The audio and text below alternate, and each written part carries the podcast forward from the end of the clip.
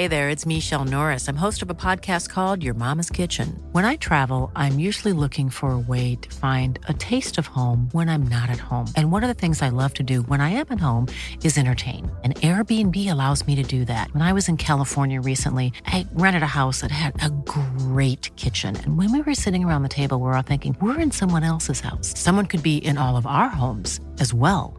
If you have a home, but you're not always at home, you have an Airbnb. Your home might be worth more than you think. Find out how much at airbnb.com/slash host.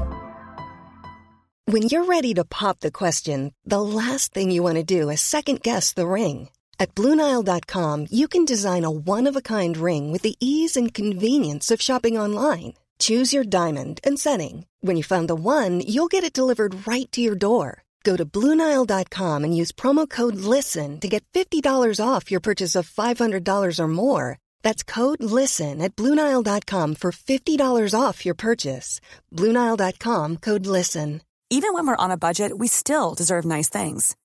Quince is a place to scoop up stunning high end goods for 50 to 80% less than similar brands. They have buttery soft cashmere sweaters starting at $50, luxurious Italian leather bags, and so much more. Plus, Quince only works with factories that use safe, ethical, and responsible manufacturing. Get the high-end goods you'll love without the high price tag with Quince. Go to quince.com/style for free shipping and 365-day returns. Palmemordet Swedenborgskyrkan del 1 med Jonas Nyman.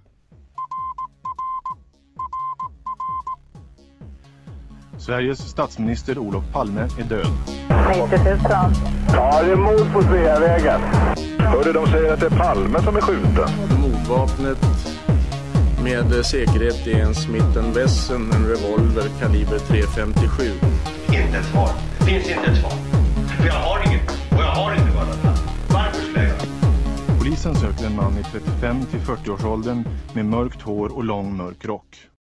Välkomna till podden Palmemordet som idag görs av Jonas Nyman med hjälp av mig, Tobias Henriksson på PRS Media. Vi har nått dit vi är idag tack vare ert stöd, både ekonomiskt och i form av glada tillrop och tips. Om du vill hjälpa till att stötta oss ekonomiskt, gå gärna in på patreon.com palmemordet och donera en summa som podden får per publicerat avsnitt. Det är alltså patreon.com palmemordet. Om du hellre vill swisha en slant så hittar du numret i avsnittsbeskrivningen. Idag ska vi börja med ett spår som eh, på ett sätt tog sitt avstamp i och med att den officiella lösningen på mordgåtan skulle presenteras. För det var i de krokarna som dagens gäst, Jonas Nyman, börjat titta på ett alldeles speciellt spår, som i alla fall bitvis var helt nytt för mig. Vi ska alldeles strax introducera er till personerna och kretsarna kring det här spåret. Men innan dess vill jag bara säga att ni kommer att få höra huvudpersonen i historien berätta själv i slutet av avsnittet. Så stäng inte av efter intervjun, utan häng kvar för att få en liten inblick i personen vi kommer att prata om idag. Men vem är det då som ska avhandlas och hur kom det sig att Jonas började intressera sig för personen i fråga? För säkerhets skull låter vi Jonas själv få berätta om detta. Ja, alltså hela den här historien började ju eh, den 20 februari någonting eh, när Camilla Kvartoft ringde Christer Petersson. Ehm, och åklagaren Christer Petersson berättade ju då att han ska lägga ner Palmeutredningen och att man har gjort stora framsteg och hittat nya, ny teknisk bevisning och sådär. Och han lovade ju att han ska presentera mördaren och berätta allting om hur mordet gick till. Och då blev man ju blir man ju väldigt spännande. Vad är det han har hittat? Det måste vara någonting helt nytt alltså. Ett stort genombrott. Eh, ett, ett helt nytt spår som man inte kände till sedan tidigare. Det var ju det intrycket man fick. Då blev det ju väldigt spännande då när Aftonbladet på årsdagen 2020 helt i förbigående nämner eh, att de har hört ett rykte. Eh, att bland poliser så talas det om att Palmeutredningen ska ha hittat ett vapen eh, gömt på en vind i Spånga.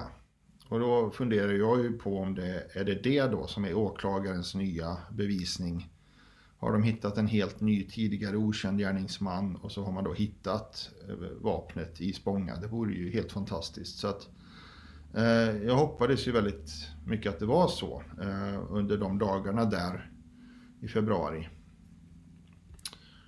Och det förstärktes ju då när i mars 2020 så publicerades Webb-TV en ganska konstig intervju. Och det var då en, en kvinna som påstod att det var hennes exman som skulle ha mördat Olof Palme. Och den här änkan, eh, på grund av att Christer Petersson nu skulle lägga ner Palmeutredningen, det var det som också hade triggat Maria att gå ut offentligt med sin berättelse. Och då blev det ju här ännu mer intressant va? Att, att det här kanske verkligen är det som är den stora grejen.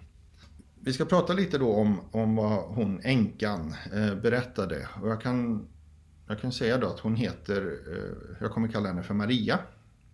Det är det här spåret då, eh, det är hennes exmake som jag har ägnat eh, i alla fall eh, uppemot ett år åt att utreda.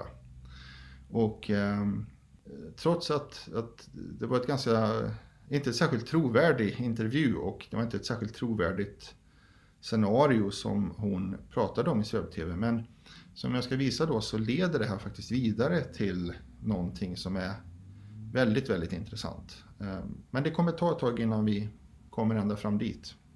Eh, vet du hur det kom sig att Maria ställde upp just för SvebTV då? För jag tänker att det borde funnits, mm, ja, vi kallar det mer etablerade medier som är intresserade av samma historia.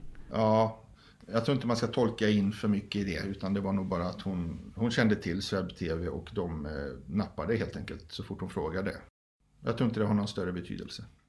Så eh, i den här intervjun då för SvebTV så berättar Maria att Leif, som han hette då, eh, vid tiden för mordet så bodde och jobbade han på en skola i eh, Egelstadir eh, på Island Eh, därför att eh, Leif då var väldigt språkkunnig och han undervisade i danska.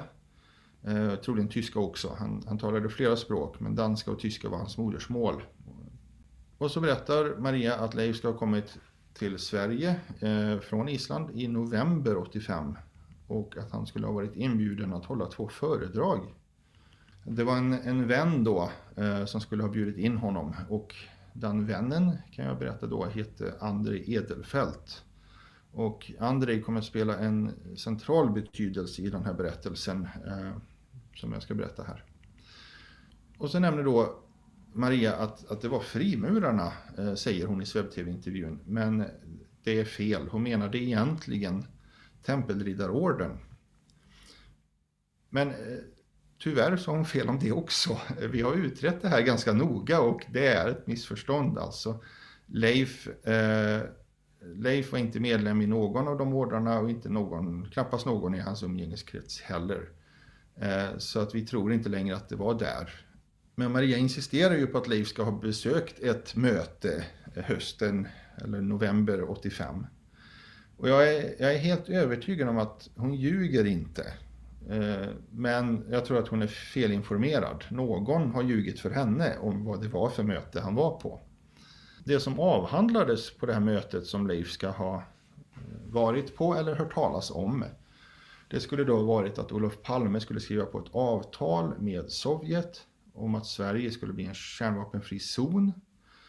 Och på de här mötena så skulle det ha framförts anklagelser om att Palme egentligen var landsförrädare och samarbetade med kommunisterna. Och eh, det här hade gjort ett väldigt starkt intryck på Leif och han hade tyckt att det varit oerhört viktigt att, att stoppa eh, Palme från att skriva på det här avtalet. Och även om det inte var Leif som höll föredraget och även om det inte var i Tempelriddarordens regi så jag är helt övertygad om att ett sådant möte faktiskt ägde rum. och att Leif kanske var där. Det är ju ett lustigt sammanträffande då att det som avhandlades på det här mötet, det är ju praktiskt taget identiskt med de anklagelser som Hans von Hofsten förde fram i det här så kallade marinofficersupproret. Där eh, marinofficerare och andra militärer och poliser var inblandade i en väldigt ful ryktesspridning om Olof Palme. Alltså, och anklagar honom i princip för att vara landsförrädare. Och det stämmer ju att Olof Palme skulle på statsbesök i Moskva i april 86 och det var också aktuellt med det här. Socialdemokraterna hade ju föreslagit att vi skulle lagstifta om att Sverige skulle bli en kärnvapenfri zon. Eh, så att det var aktuellt och sådär. Eh, och Palmes planerade statsbesök i Moskva, det var känt redan på hösten 85. Så det, det stämmer också. Eh, han hade pratat ganska länge om det öppet. Och eh, Hans von Hofsten publicerade ju sina debattartiklar i Svenska Dagbladet och det var mycket skriverier om att Palme inte tog eh, hotet från Sovjet på allvar. Och eh, jag tror att det är de här ryktena helt enkelt. Det är marinofficersupproret som gjorde ett väldigt starkt intryck på Leif. Och så kan man fundera då på att det är knappast möjligt för en hög officer att gå ut offentligt och kritisera en statsminister om han inte känner att han har ett väldigt starkt stöd i organisationen, alltså marinen och kanske från sin chef. Och chef för marinen var fram till 1985 Per Rudberg. Han ersatte senare av Bengt Schuback eh, som var marinchef vid tiden för mordet. Men Per, per Rudberg är intressant och kommer att återkomma i den här historien. För det finns uppgifter, bland annat från författaren Stig Larsson, om att Per Rudberg ska ha talat inför olika grupper på högerkanten. Till exempel då den mycket konservativa katolska Sankt Mikaelsorden. Och Per Rudberg talade också vid Ramada-konferensen som var en konferens för, ja, ska man säga, ja, höger... Högerinriktade högerinriktade personer. Ramada-konferensen var, hölls årligen utanför Jönköping eh, fram till 85 och det var den sista konferensen som hölls och då ska Per, ska per Rudberg ha talat på den konferensen. Så jag funderar på om det är så att Maria har eh, blandat ihop det här och, eller att någon har ljugit eller att hon har blivit felinformerad om att det egentligen är något av de mötena som Leif var på eller hörde talas om. Så då har vi rätt ut det. Och så berättar Maria också att Leif var hemma i Sverige över jul och nyår 85-86. Och det har jag kunnat bekräfta att det, det är sant, det var han. Och så berättar hon också då att han under mellandagarna eller däromkring så ska Leif ha besök av en eh, mystisk militär. Eh, och hon vet inte vem eller varför och tyvärr så vet inte jag det heller. Men jag tror att det kan, det kan ha betydelse, det är därför jag nämner det. Och sen kommer vi då till eh, det konstigaste som Maria berättar, nämligen då att dagen efter mordet, lördagen den 1 mars, eh, hon var hemma eh, som vanligt i Stockholm. Och sent på eftermiddagen så kommer Leif helt plötsligt, helt plötsligt oväntat in genom dörren och han är väldigt glad och upprymd och säger att han vet vem det är som har skjutit Olof Palme. Ah. Ja, och Maria tolkade det som ett erkännande. Hon fick uppfattningen att det var Leif som var mördaren. Och hon berättade också att Leif gick upp på vinden och kanske gömde någonting där och så eh, han stannade inte utan han, eh, han gjorde bara det och så åkte han omedelbart tillbaka till Island samma, samma, samma kväll. Och eh, mitt intryck av den här intervjun, eh, dels att det var på Sveb-TV och även hennes, hennes sätt att framträda, hon ville vara anonym och sådär, det gör att det var inte särskilt trovärdigt. Men trots det så kunde jag inte låta bli att bli väldigt intresserad av hennes berättelse.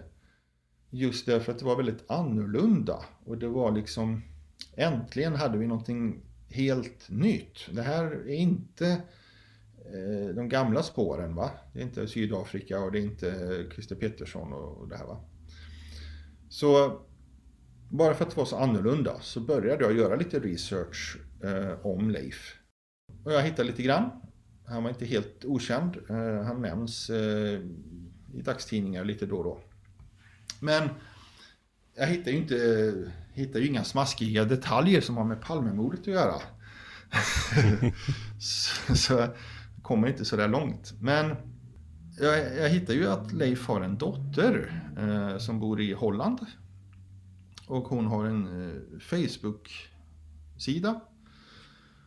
Som då, som då var helt öppen. Alltså man kunde se alla hennes privata bilder och, och allt vad hon skrev och sådär va.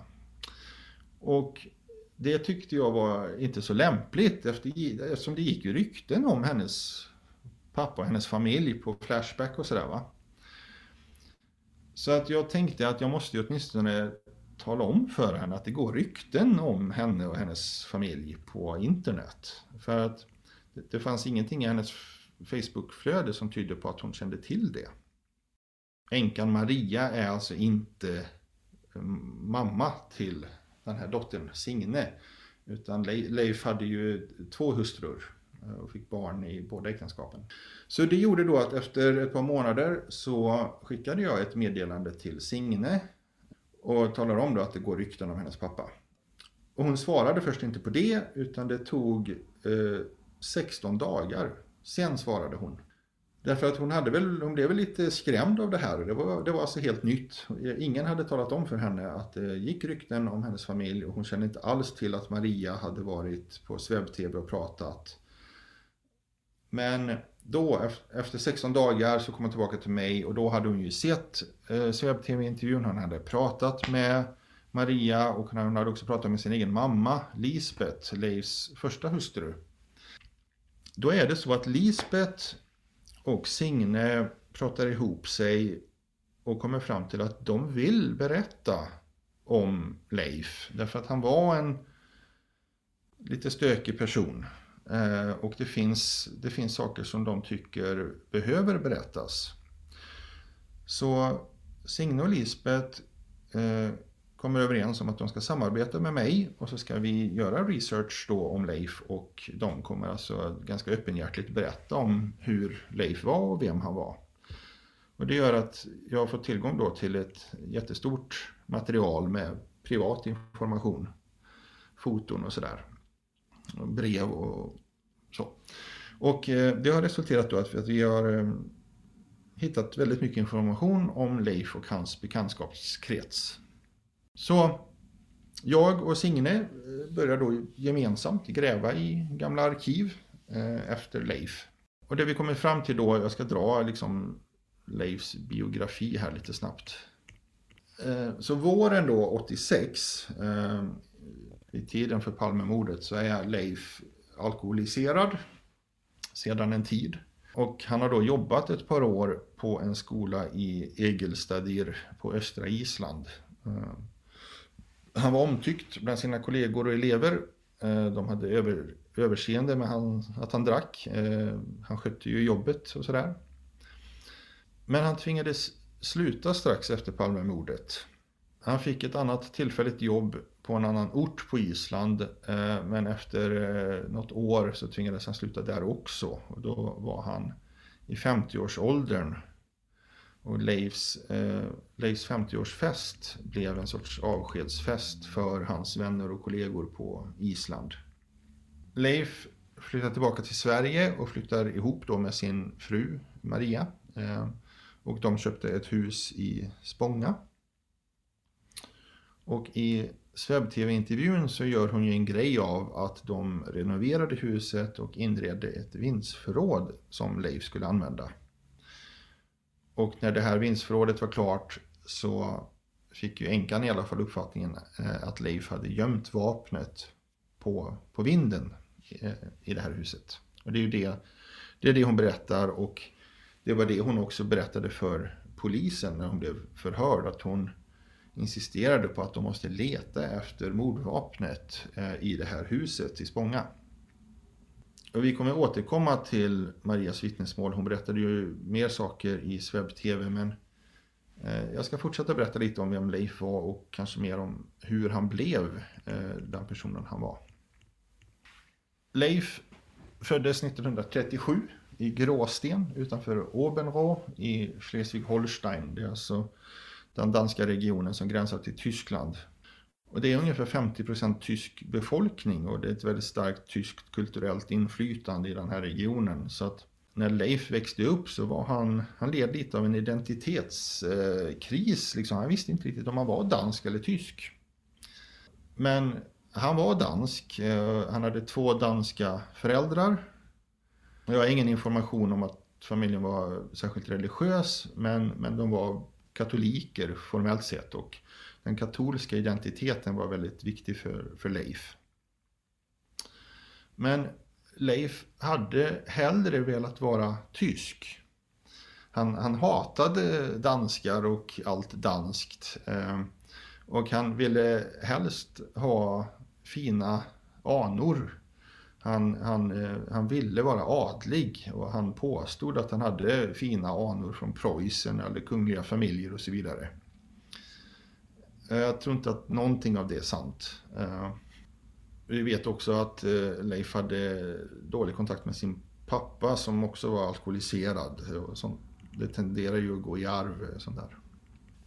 Och så hittade jag under min research här då en jätteintressant intervju med Leif i magasinet Sökaren 1978. Det är en, en tidning för folk som är intresserade av new age och sådana här spirituella, nyandliga saker. Och där berättar Leif ganska öppenhjärtligt om sin barndom och hur han i 5-6 års åldern hade olika mystiska och religiösa upplevelser. Han, han upplevde att han kunde lämna sin kropp och göra själavandringar och sådana här saker jag tror inte riktigt på sånt där, utan jag tror att han led av ett tillstånd som heter sömnparalys. Det är ett ganska konstigt tillstånd där, där hjärnan, eh, eller du är fortfarande vid medvetande, men kroppen sover. Så att den här, alltså när man sover så kan man ju inte röra musklerna. Och den mekanismen eh, har då slagit till så att du är paralyserad, men fortfarande med medvetande. Och det är alltså ett, ett väldigt skrämmande eh, tillstånd att vara i. Därför att hjärnan är, du är liksom halvsovande och du kan inte skilja på vad som är dröm och verklighet. Så att eh, personer som lider av det här har ofta väldigt skrämmande hallucinationer och en väldigt stark känsla av en hotfull närvaro i rummet. Och eh, det här finns ju i våra kulturer, alltså mardröm. Eh, mar, det ordet finns i många olika kulturer, ända från eh, Persien och hinduism och sådär. Eh, där den här gudomen Mara är den här hemska demonen då som attackerar folk i sömnen. Och de här skrämmande upplevelserna var ju svåra för Leif. Eh, och särskilt då, eh, han hade ju inga förstående och kärleksfulla föräldrar som han kunde bearbeta de här eh, hallucinationerna med. Och det gjorde då att de här upplevelserna fick enormt stark påverkan på Leif och han blev mycket djupt religiös och, och andligt medveten. Så att Eh, spirituella saker, religion, astrologi och esoteriska intressen kom att styra hans liv fullständigt eh, ända sedan sexårsåldern. Jag kan bara skjuta in där, om det är så att eh, lyssnarna är intresserade av just det här med sömnparalys och sådär så i eh, när jag var med i Mördarpodden, vi pratade faktiskt eh, tortyr där av alla saker och eh, då var det just en tortyrmetod som handlade om att, att beröva folk för, ja, sömn. Och då kommer vi också in på det här med sömnparalys och liknande. Vilket i sin tur härstammade från ett avsnitt som eh, podden Spöktimmen hade gjort om sömnparalys som är väldigt värt att lyssna på där om man är mer intresserad av just det du beskriver här Jonas. Det är ett fascinerande ämne eh, i sig självt. Så det, det tycker jag att folk ska... Eh, jag vet att det finns lite dokumentärer och sådär eh, på internet som är mycket sevärda.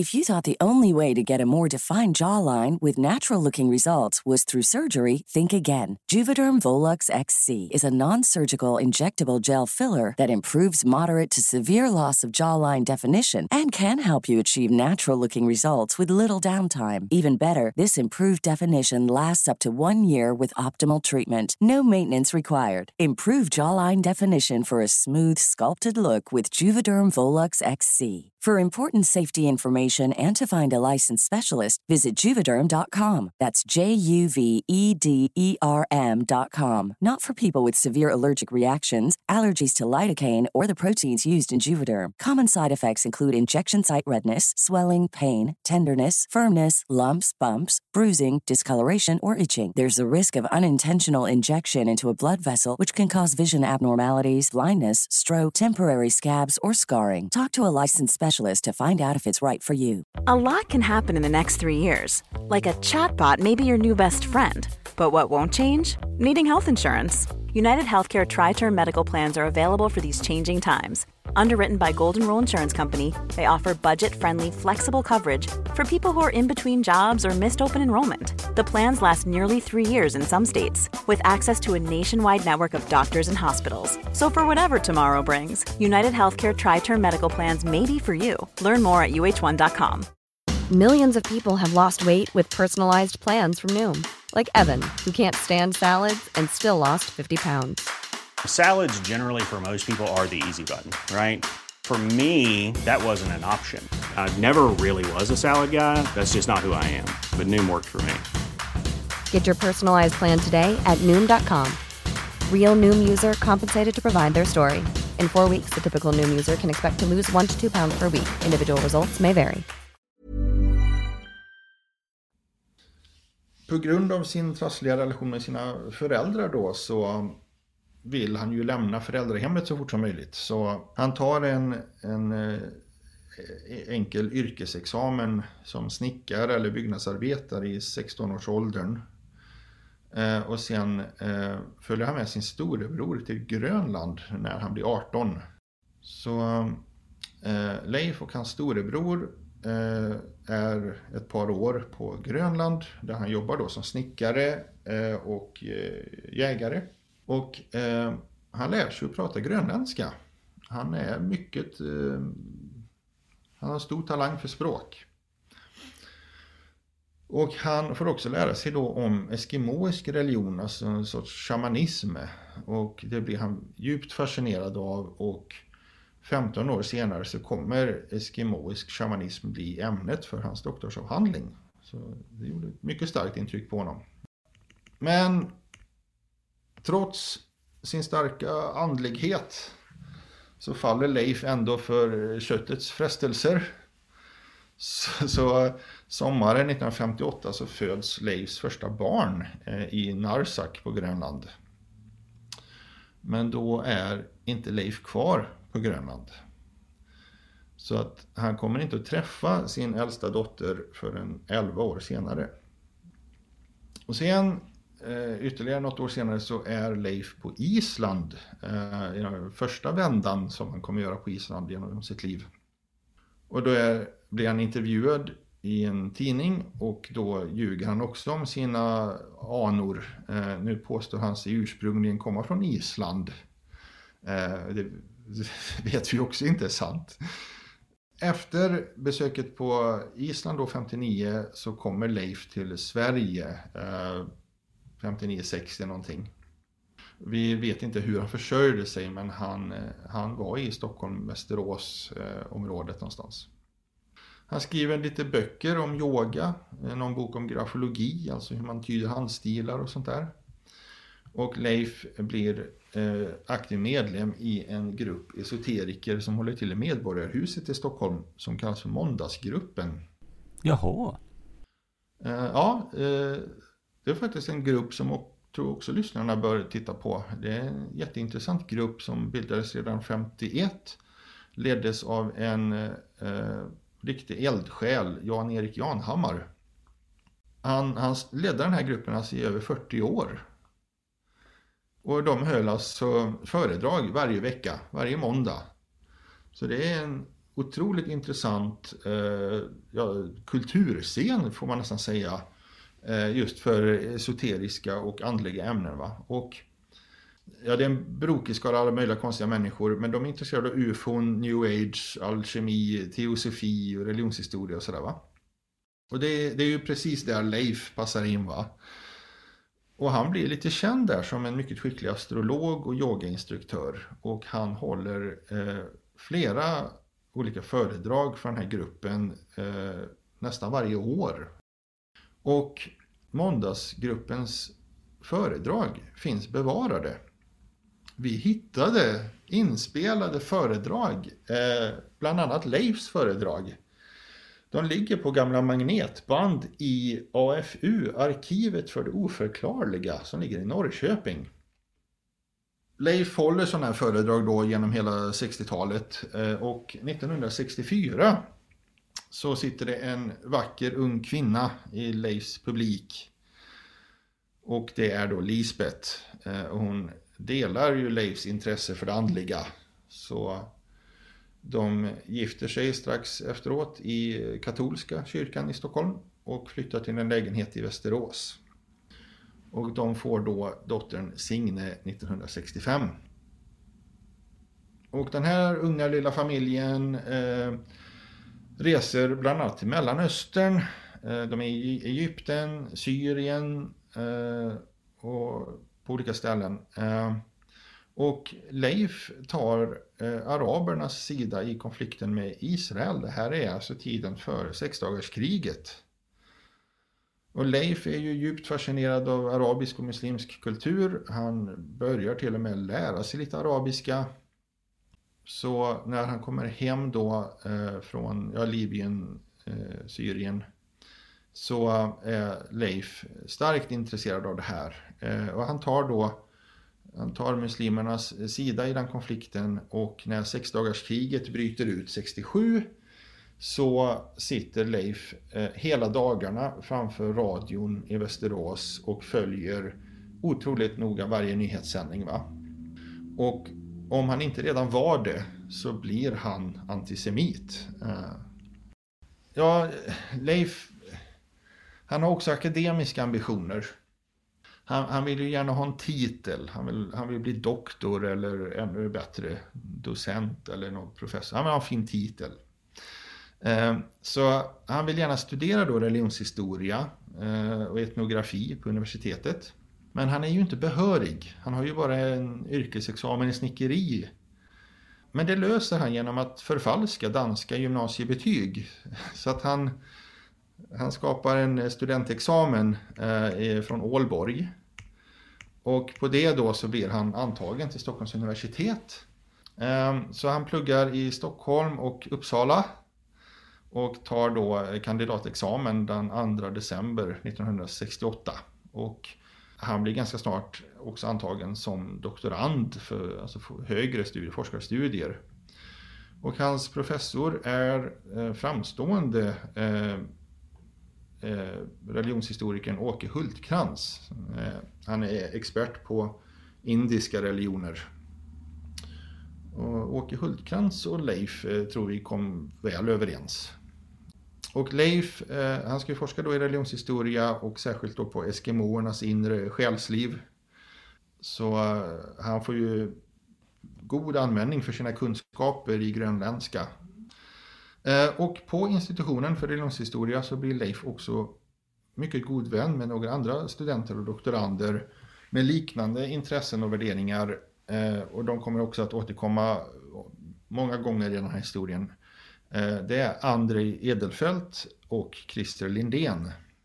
Och de här tre vännerna, de var ju oskiljaktiga. De kommer ju ägna resten av sitt liv tillsammans. Och förutom religionshistoria så har de ett annat mycket starkt gemensamt intresse och det är alkohol. Det är ett, ett intresse som, som eh, ja, det, det, kan, ju, kan ju leda en lite snett om, om man inte har så många andra intressen kanske då. ja, eh, ja. Det finns ju andra i, i Palmeutredningen som har, eh, har dukat under för just alkoholen tänker jag. Oh ja, jag, jag kommer nämna ett flertal här.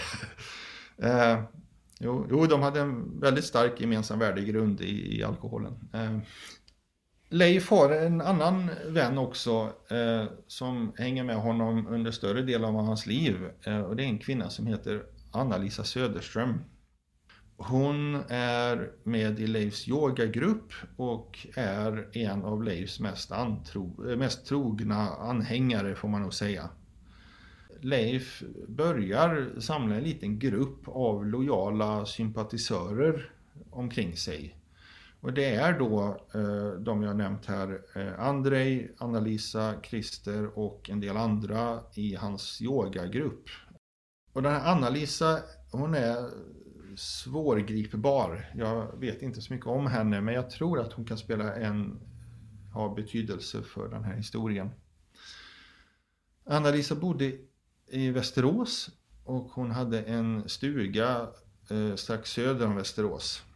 Och eh, Leif och Anna-Lisa stod alltså varandra extremt nära, även om det var ett platoniskt förhållande, så vitt jag vet. Va?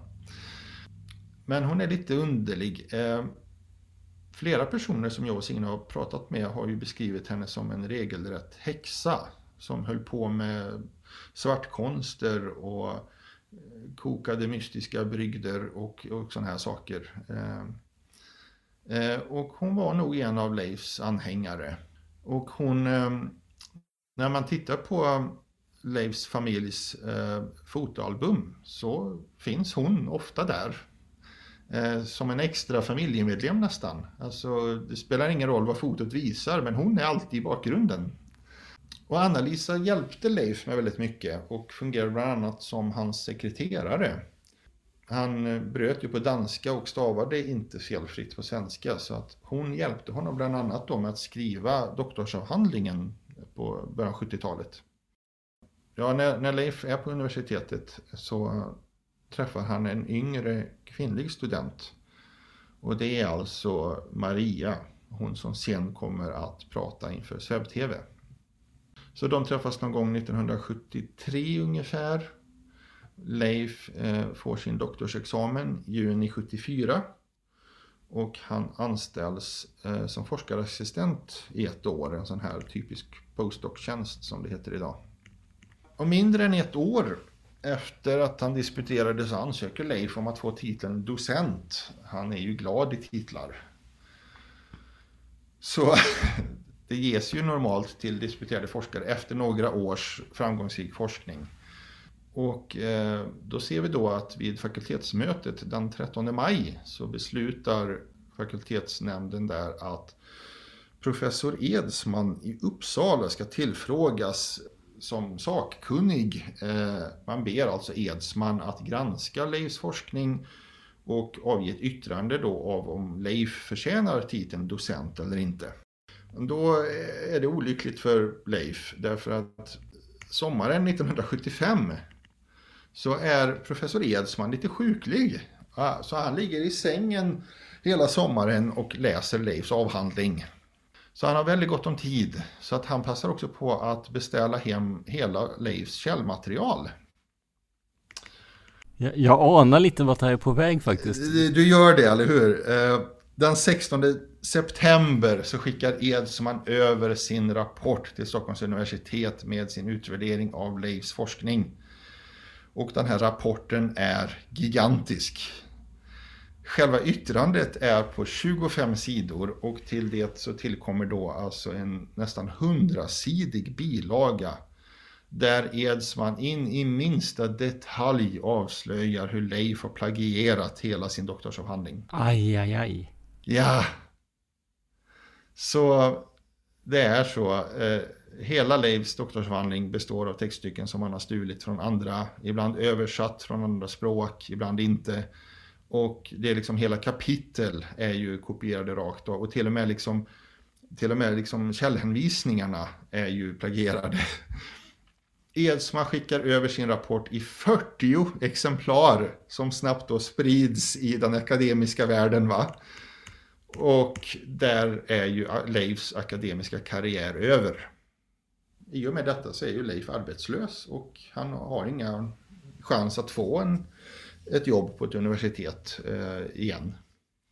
Och det här blir en mycket viktig vändpunkt i Leifs liv. Eh, fram tills nu så har han ju ändå klarat att hanka sig fram i livet. Ofta genom att ljuga. Men han har haft lite olika tillfälliga jobb. Eh, han har ju aldrig kunnat behålla ett jobb. Eh, och det är väl för att han dricker lite för mycket. Men fram tills nu så har ju alkoholkonsumtionen ändå varit kontrollerad. Och det, äktenskapet med Lisbeth har ju varit eh, lyckligt eh, trots att då både Maria och Anna-Lisa finns i närheten. Va? Men här då 75 så, så havererar Leifs liv. Och här ser vi då att han börjar hitta på konstiga saker. Han börjar spendera mer tid med Maria och han eh, för att kunna göra det så hittar han på allt mer invecklade lögner för Lisbeth då. Så här kommer då de här konstiga historierna om att Leif eh, hade olika hemliga uppdrag.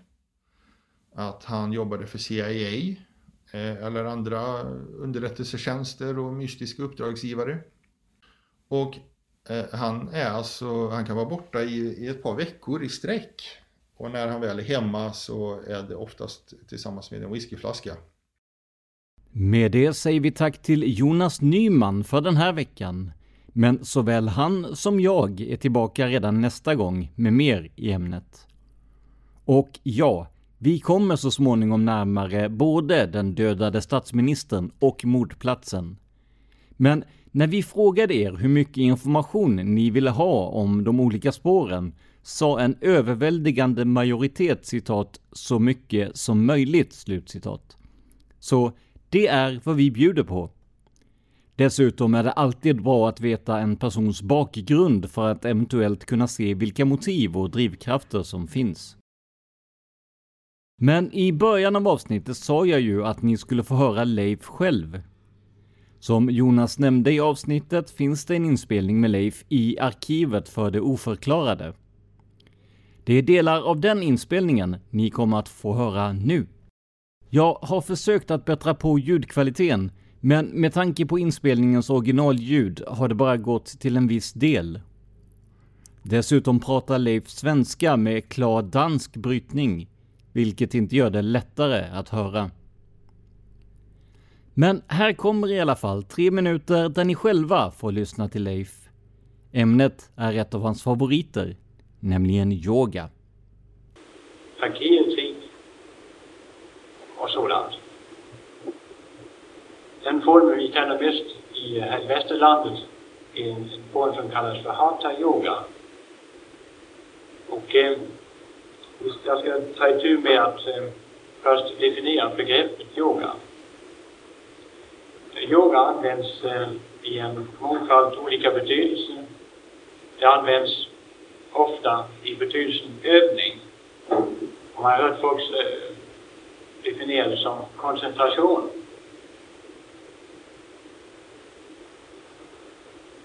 Om man ser rent språkligt på det, då eh, får man anse att den definitionen som går ut på att yoga skulle betyda förening är den riktiga, den riktigaste. Om man avser då förening med Gud i parentes kan jag säga att eh, man räknar med att det finns en teistisk och en ateistisk yoga. Men eh, det ska vi komma in på senare. Närmare. Yoga är så vitt vi kan eh, spåra tillbaka historiskt någonting som ett system av övningar där yoga är slutmålet. Som har utvecklat sig från eh, den semantiska naturmagin i Indien och de sydöstliga trakterna av Asien. Man, läser man de olika Upanishaderna då träffar man även i de allra äldsta Upanishader på begreppet yoga och eh, det finns beskrivningar på yogaövningar i delar av Upanishaderna som är mycket gamla. Även Buddha, Siddhartha, Gautama Siddhartha Buddha känner vi till har haft yogalärare. Han har själv utövat yoga. Men eh, sin verkliga systematiska utformning får yogan först omkring 300 år för vår tid räkning. Religionshistoriskt är man inte alldeles eh, säker på den exakta tiden för den systematiska eller systematiseringen av yoga. Och det Österväst vi känner till som ett sådant försök eller ett sådant ett genomförande av att sätta yoga i system, det är Patanjalis Yoga Sutra. Med det börjar vi närma oss slutet av avsnittet och som vanligt tar vi gärna emot era synpunkter på facebook.com palmemordet. Där lägger vi också upp extra material som inte alltid passar i podden, som till exempel bilder eller länkar till dokumentärer om ämnet. Gå gärna in där och prata med oss och andra lyssnare. Det här var veckans avsnitt av podden Palmemordet som idag gjordes av Jonas Nyman.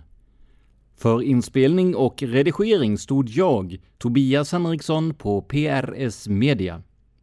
För mer information om mig och mina projekt besök facebook.com prsmedia.se eller gilla oss på Instagram där vi heter prsmedia, ett ord, små bokstäver. Inom kort slår vi även upp portarna till webbplatsen prsmedia.se igen, efter en tids frånvaro. Stort tack till Jonas som grundligt och engagerande berättat om det här spåret. Men framförallt, stort tack för att du lyssnar på podden Palmemordet. Man hittar Palmes mördare om man följer PKK-spåret till botten. Därför att ända sedan Julius Caesars tid har det aldrig hört talas om ett mord på en framstående politiker som inte haft politiska skäl. Polisens och åklagarens teori var att han ensam hade skjutit Olof Palme. Och det ledde också till rättegång. Men han frikändes i hovrätten. Nu ska vi ut på rövarstråt. Ja, vi ska ut och röva. Planning for your next trip? Elevate your travel style with Quince. Quince has all the jet-setting essentials you'll want for your next getaway. Like European linen, premium luggage options, buttery soft Italian leather bags, and so much more. And is all priced at 50 to 80% less than similar brands. Plus, Quince only works with factories that use safe and ethical manufacturing practices. Pack your bags with high-quality essentials you'll be wearing for vacations to come with Quince. Go to quince.com/pack for free shipping and 365-day returns. Want flexibility? Take yoga. Want flexibility with your health insurance? Check out United Healthcare Insurance Plans. Underwritten by Golden Rule Insurance Company, they offer flexible, budget-friendly medical, dental, and vision coverage that may be right for you. More at uh1.com. Hey, it's Paige DeSorbo from Giggly Squad. High quality fashion without the price tag. Say hello to Quince. I'm snagging high-end essentials like cozy cashmere sweaters, sleek leather jackets, fine jewelry, and so much more. With Quince being 50 to 80% less than similar brands. And they partner with factories that prioritize safe, ethical, and responsible manufacturing. I love that. Luxury quality within reach. Go to quince.com slash style to get free shipping and 365 day returns on your next order. Quince.com slash style.